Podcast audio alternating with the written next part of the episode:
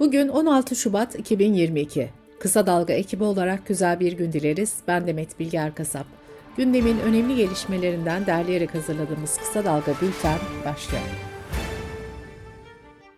MİT görevlisinin cenazesiyle ilgili haberler nedeniyle yargılanan gazetecilerden 3 yıl 9 ay hapis cezasına çarptırılan Barış Pehlivan ve Hülya Kılınç ile 4 yıl 8 ay hapis cezasına çarptırılan Murat Ağrel, cezalarının kesinleşmesi üzerine dün yeniden cezaevine girdi. Gazeteciler avukatlarının başvurusu üzerine kapalı cezaevinden açık cezaevine sevk edildi. Gazeteciler Pehlivan ve Ağırel, COVID-19 önlemleri kapsamında izinli olarak akşam saatlerinde serbest bırakıldı. Hülya Kılınç'ın da serbest bırakılacağı belirtilirken bültenimiz yayına hazırlandığında işlemleri devam ediyordu. Aynı dosyada yargılanan gazeteciler Aydın Keser ve Ferhat Çelik'in de 4 yıl 8'er aylık hapis cezası onanmıştı. Gazetecileri dün bir kez daha cezaevine uğurlayan meslektaşları ise gazetecilik suç değildir dedi. İstanbul 36. Asliye Ceza Hakimliği Cumhurbaşkanı hakaret suçlamasıyla tutuklanan gazeteci Sedef Kabaş'ın tutukluluğuna yapılan itirazı reddetti. Duruşma 11 Mart ertelendi. CHP lideri Kemal Kılıçdaroğlu'nun zamlar geri alınana kadar elektrik faturasını ödemeyeceğim açıklamasına MHP lideri Bahçeli'den ödemezse elektriği hemen kesilmelidir yanıtı geldi. Bahçeli ayrıca 81 ildeki parti örgütlerine Kılıçdaroğlu'na kandil göndermeleri talimatı verdiğini belirtti. Bahçeli, o kadar kandili nereye koyacağını merak ediyorum dedi. Hafta sonu Altın Muhalefet Partisi'nin yaptığı güçlendirilmiş parlamenter sistem toplantısını da eleştiren Bahçeli, masa kare ya da dikdörtgen olsa dört ayağı olur ama bu yuvarlak masa, bir ayağı gizli, o gizli ayak ise HDP diye konuştu. CHP lideri Kemal Kılıçdaroğlu da partisinin grup toplantısında MHP'li il başkanları tarafından kendisine gönderilen kandilleri parti müzesinde sergileyeceklerini açıkladı. Kılıçdaroğlu günlerce elektrikleri kesik olan Ispartalıların tazminat isteme hakkı olduğunu belirterek avukat tutamayanların ücretini biz ödeyeceğiz dedi. CHP lideri ayrıca elektrik faturasını ödememe kararı konusunda da şöyle konuştu. Elektrik faturasını ödeyemeyen vatandaşın sesini çıkaracağı bir alan bırakmadılar. Hemen dediler elektriği kesin Kılıçdaroğlu donsun. Siz beni donmakla mı korkutuyorsunuz? Sizin feriştahınız gelse ben donmam, mücadele ederim. Kılıçdaroğlu'nun elektriğinin ne zaman kesileceği de merak konusu oldu. Bu sorunun yanıtını Sputnik Türkiye'den Turan Salıcı'nın haberiyle aktaralım. 20 Şubat 2021 tarihli resmi gazetede yayınlanan yönetmeliğe göre 65 yaş üstü vatandaşların elektriği yıl içinde en az 3 dönem boyunca zamanında ödenmemesi durumunda kesiliyor. Bu durumda 73 yaşında olan Kılıçdaroğlu faturayı ödemediği takdirde elektrik şirketinin kesinti yapacağına dair kendisini bilgilendirmesi ve 3 ay sonra da elektriğini kesmesi bekleniyor. HDP eş genel başkanı Pervin Buldan da partisinin grup toplantısında 6 muhalefet liderinin buluşmasına göndermede bulunarak şöyle dedi. HDP olmadan demokrasiyi konuşmak çözüm değildir. HDP'nin içinde olmadığı bir gelecek arayışı yeni bir gelecek sunamaz.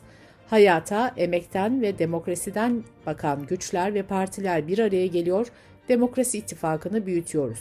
Bu ittifak Türkiye için umudun, karanlığı yırtıp atmanın ittifakı olacaktır.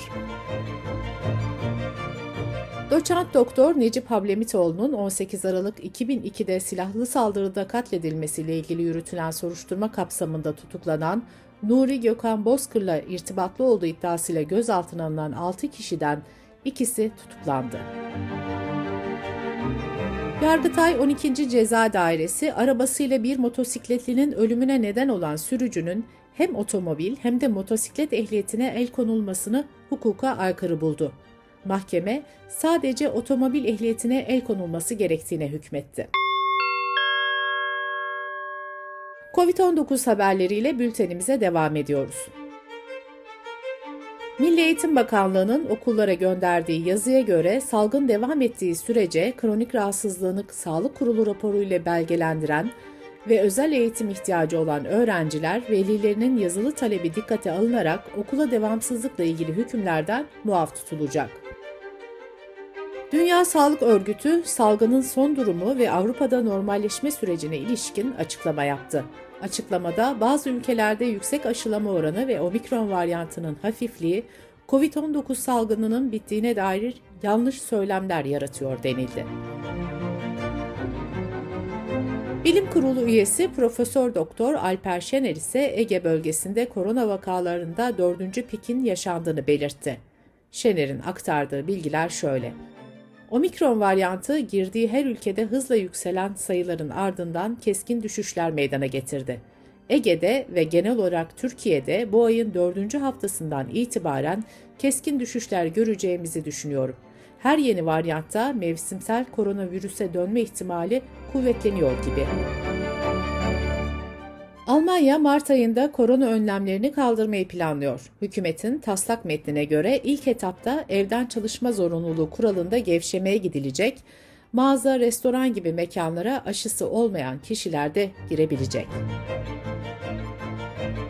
Amerika'da vaka sayılarında düşüş sürerken başkent Washington dünden itibaren birçok iş yerine girişte aşı kartı gösterme zorunluluğunu kaldırdı.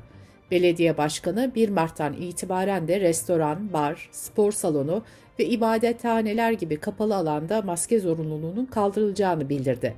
Maske zorunluluğu okul, kütüphane, bakım evi, toplu taşıma ve sağlık hizmeti veren tesislerde devam edecek. Amerika'nın New York kentinde 1430 belediye çalışanının işine aşı yaptırmadıkları gerekçesiyle son verildi. İşten çıkarılanların yaklaşık %64'ünün kentin eğitim bölümünde çalıştığı öğrenildi. New York kentinde yapılan düzenlemeye göre belediye çalışanlarının 29 Ekim 2021'e kadar en az bir doz aşı olması gerekiyordu. Sırada ekonomi haberleri var. Türkiye İstatistik Kurumu 4. çeyrek işsizlik verilerini açıkladı. Mevsim etkisinden arındırılmış işsizlik oranı %11.2 seviyesinde gerçekleşti. Son çeyrekte işsiz sayısı bir önceki çeyreğe göre 78 bin kişi azalarak 3 milyon 780 bin kişi oldu. İşsizlerin 1 milyon 49 binini uzun süredir iş bulamayanlar oluşturdu. Ne eğitimde ne istihdamda olan 15-24 yaş grubundaki genç nüfusun oranı %25 olarak açıklandı. Ne eğitimde ne istihdamda olan genç nüfusun sayısı ise 3 milyon 18 bin kişi olarak gerçekleşti. CHP Genel Başkan Yardımcısı Veli Ağbaba, KDV oranlarının indirilmesiyle ilgili şu değerlendirmeyi yaptı. TÜİK'in sepetinde 41 temel besin maddesi 1192 lira tutarken bu indirimlerle sadece 86 lira azalarak 1106 liraya düşmüştür. KDV indirimleri gıda enflasyonu son bir yılda %207 oranında artmadan önce bir anlam ifade edebilirdi. Migros Esenyurt deposunda haklarını isteyen işçilerin işten çıkarılmalarına tepki gösteren 335 yazar, akademisyen, gazeteci ve hak savunucusu işçilere desteklerini açıkladı ve boykot çağrısı yaptı. Hazine ve Maliye Bakanlığı Ocak ayına ilişkin bütçe gerçekleşmelerini açıkladı. Buna göre Ocak'ta merkezi yönetim bütçesi 30 milyar lira fazla verdi. Faiz dışı fazla ise 44.3 milyar lira oldu. TÜİK verilerine göre tarım üfe 2022 yılı Ocak ayında bir önceki aya göre %14.83, bir önceki yılın aynı ayına göre %52 ve 12 aylık ortalamalara göre de %26.55 artış gösterdi. Tarımda üretici enflasyonu son 11 yılın rekorunu kırmış oldu. ABD Başkanı Joe Biden'ın batılı ülke liderlerini bugün Rusya'nın Ukrayna'ya saldırabileceği yönünde bilgilendirdiği öne sürüldü. Bu iddia üzerine açıklama yapan Ukrayna Devlet Başkanı Zelenski, biz bugünü birlik günü yapacağız dedi. Ukraynalı yetkililer ise Zelenski'nin ironi yaptığını savundu. Kremlin sözcüsü Peşkov ise Rusya'nın Ukrayna'yı işgal edeceğine dair açıklamaların göstermelik bir histeri olduğunu söyledi. Rusya haber ajansı Interfax'a göre de Rusya Savunma Bakanlığı Ukrayna sınırında konuşlanmış bazı birliklerin tatbikatlarını tamamladıktan sonra üstlerine geri döndüğünü söyledi. Müzik Peşkov bu durumun her tatbikat bitiminde olan bir süreç olduğunu kaydetti ve bunun gibi tatbikatlar düzenlemeye devam edeceklerini belirtti. Ukrayna krizinde Rusya, ABD ve İngiltere'den diplomasi mesajları gelse de taraflar askeri yığınak yapmayı da sürdürüyor. ABD'li yetkililer Rus işgali her an başlayabilir ısrarında devam ediyor. Amerikan medyası da Moskova'nın Ukrayna sınırına hem karadan hem denizden yığınak yaptığını öne sürdü. Kiev'deki elçiliğini tamamen boşaltıp personelini Lviv kentine çeken ABD ise NATO'nun hava devriyelerine katılmaları için Polonya'ya 8 F-15 savaş uçağı daha yolladı. Gerilimde önceki gün Rusya'dan sonra ABD ile İngiltere'den diplomasi vurgulu mesajlar gelmişti. Moskova'da devlet başkanı Putin'le görüşen Lavrov, krizin müzakere yoluyla çözülmesi için şans bulunduğunu belirtmişti. Bu gelişmenin ardından da ABD Başkanı Joe Biden ve İngiltere Başbakanı Boris Johnson'ın telefonda görüştüğü ve diplomasi penceresinin açık kaldığı, Rusya'nın Ukrayna'ya karşı tehditlerinden geri adım atabileceği konusunda anlaştığı vurgulanmıştı. İsrail ile Türkiye arasında ilişkilerin iyileştirilmesine dair karşılıklı adımlar atılırken İsrail Cumhurbaşkanı Herzog'un 9-10 Mart tarihlerinde Türkiye'ye geleceği belirtildi. Cumhurbaşkanı Erdoğan 18 Ocak'ta yaptığı açıklamada İsrail ile üst düzey görüşmelerin olabileceğini söylemişti. Ayrıca Cumhurbaşkanlığı Sözcüsü İbrahim Kalın da Filistin lideri Mahmut Abbas'la görüşmek için Kudüs'e gidecek. Fransa'nın başkenti Paris'te trafikte hız radarı gibi işleyecek gürültü radarı devreye girdi. Belirlenen limitten daha fazla gürültü çıkaran araca ceza kesilecek. Radarın birkaç ay boyunca yüksek sesli motosikletlerin ve arabaların plakalarını doğru bir şekilde tanıyıp tanımlamayacağı test edilecek. Cezaların 2023 başlarında kesilmeye başlanması bekleniyor. Bültenimizi kısa dalgadan bir öneriyle bitiriyoruz. Türkiye'de konuşulan en az 18 ana dil yok oluyor. Mehveş Evin 21 Şubat Ana Dil Günü vesilesiyle ana dilde eğitim konusunu inceledi. Kısa Dalga.net adresimizden ve podcast platformlarından dinleyebilirsiniz. Gözünüz kulağınız bizde olsun. Kısa Dalga Medya.